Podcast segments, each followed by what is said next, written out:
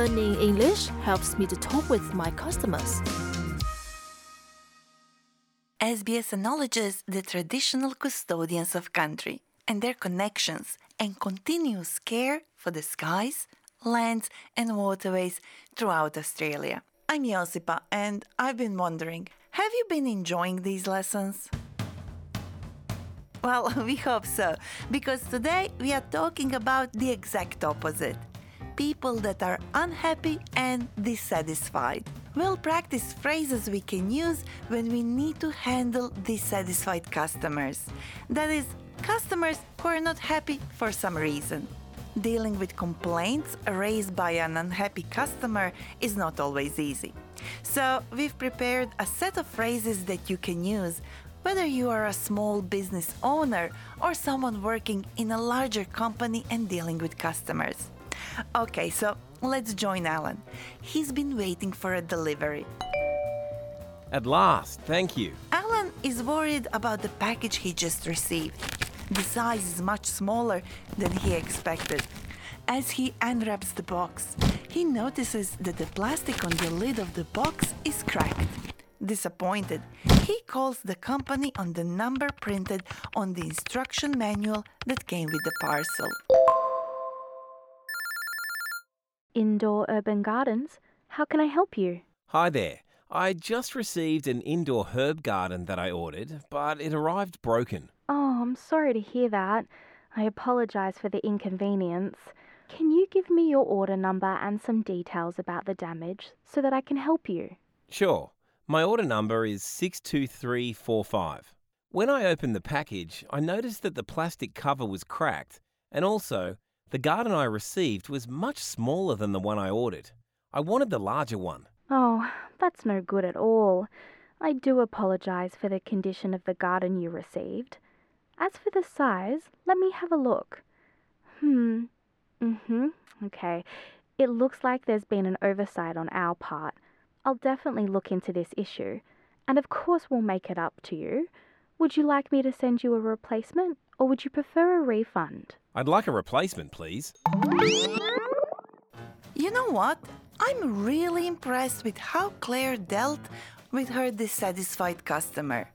I took a closer look at their conversation and I noticed that it provides a sort of roadmap that anyone could follow when they are faced with a customer who is not happy.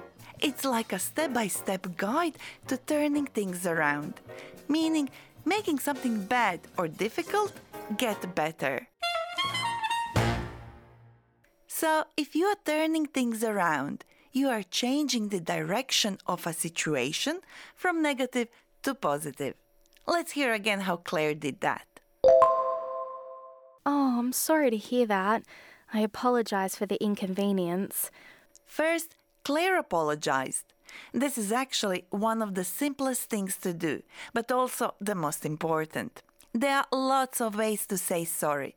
If you want some more examples, we explained several different ways in a previous episode how to say sorry. Claire then needed to find out exactly what went wrong. So, to find out more, she asked, Can you give me your order number and some details about the damage so that I can help you? Here, Claire asks for the order number so that she knows more about what was ordered when. And then she asks about the damage. That is, about in what way the garden was broken. What is wrong with it now? Or, to give you another example, you could say, Could you give me some specifics so I can help you? More specifics is just another way of asking for more details about the problem. So, the first step is to start off nicely and apologize. The second step is to find out more about what went wrong. Now, what do you think the third step could be? Yes, a useful third step is to take responsibility for what happened so that the customer knows that you are looking after them. When Claire checked her computer and realized the company had made a mistake and sent the wrong size garden, she said, It looks like there has been an oversight on our part. An oversight is when something important is accidentally missed or not noticed, leading to some sort of mistake or problem. The fourth and final step in the roadmap for dealing with whinging customers is to offer a solution. But be careful. Whinging is an informal way of saying complaining. It's negative and a bit rude, so you would never want to use this word in front of the actual customer. Claire said, Would you like me to send you a replacement or would you prefer a refund? A replacement here means he would like a new garden to replace the one he was sent. Or would you prefer a refund? A refund is when someone receives money back after having paid for a product or service if it was not satisfactory. We often try to make the customer feel better by offering them a solution, but sometimes this is not possible. Let's say Alan provides cleaning services, and today he's having a really bad day. He was supposed to clean an office, but his customer didn't show up. Now they're on the phone, complaining and demanding that Alan goes back. There seems to be some sort of mix up. The booking was confirmed. We've waited 30 minutes and nobody opened the door. If you wish, we could make another booking. Listen, Alan, it looks like I might have made a mistake, but I don't want another booking. I need you to come straight away, or I'll be in trouble. I'm sorry. I wish I could help you, but it's against our company policy. How about we make a new booking for tomorrow? Sometimes, like Alan, you need to stand your ground. That is, hold firm to your position, especially in situations where the customer is dissatisfied because of something that is not your mistake. Alan first said, There seems to be some sort of mix up. A mix up is some kind of confusion or mistake. We use the phrase seems to be when we want to soften the impact of what we are saying. In this case, that our customer made a mistake. Now, do you remember what Alan said when he stood his ground? I'm sorry. I wish I could help you, but this is against our company policy. This type of response makes it clear that unfortunately you can't do what they're asking because it goes against the company rules. In Australia, businesses must meet a set of basic rights when selling products and services. Our guest today is Jocelyn Yem, Director of Operations at the New South Wales Small Business Commissioner. Jocelyn, what kind of organization is the New South Wales Small Business Commissioner? Thanks for having us here today. So, the Small Business Commission is a New South Wales government agency that advocates on behalf of small businesses. Can you please tell us some key things that small businesses need to know about providing refunds and returns? Yes, of course. So, there are some laws about whether a business needs to provide a refund or a return and when they need to do that. Customers have rights under the law, and as a business, you need to be careful when telling customers whether they can return the goods or not. So, say for example, if you buy a pair of shoes from a shop, a customer buys a pair of shoes from a shop, and they decide they get home, they don't like them, they've changed their mind about them. The customer is not necessarily entitled to a refund for what's called a change of mind purchase.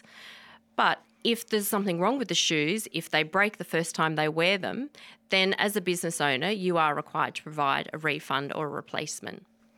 What are the benefits of being good at dealing with customer complaints? Is there such thing like a secret to great customer service?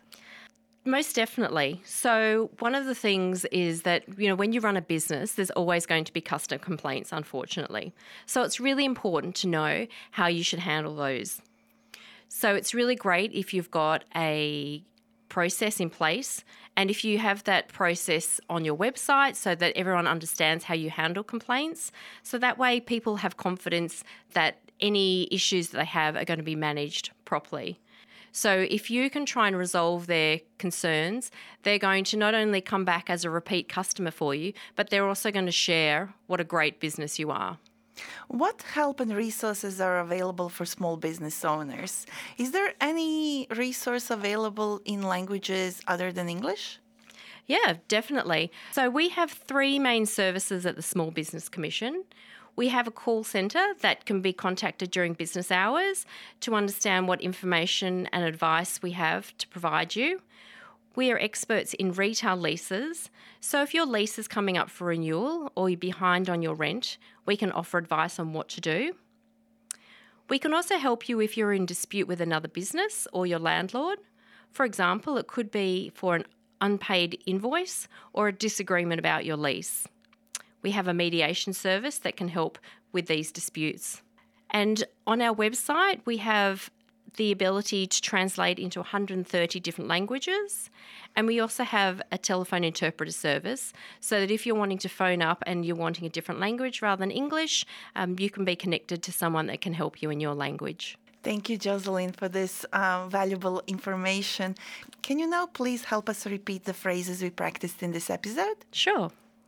What does it mean to turn things around? To turn things around means to change the direction of a situation from negative to positive. What is damage? A damage is physical harm or negative change that happens to something, causing it to become less usable or valuable. Now let's repeat after Claire and Alan. First, the questions you can ask to find out more about the problem your customer is facing. Can you give me your order number and some details about the damage? Could you give me some specifics about Phrases we can use to take the responsibility for the problem. It looks like we might have made a mistake. There seems to be some sort of mix up? Phrases we can use to offer a solution. Would you like me to send you a replacement? Can I offer you a refund? We also covered phrases you can use when, unfortunately, you can't help your customer. I wish I could help you, but this is outside of our control.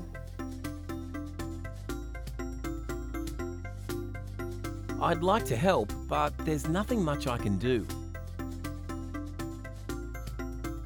I'm sorry, but this is against our company policy.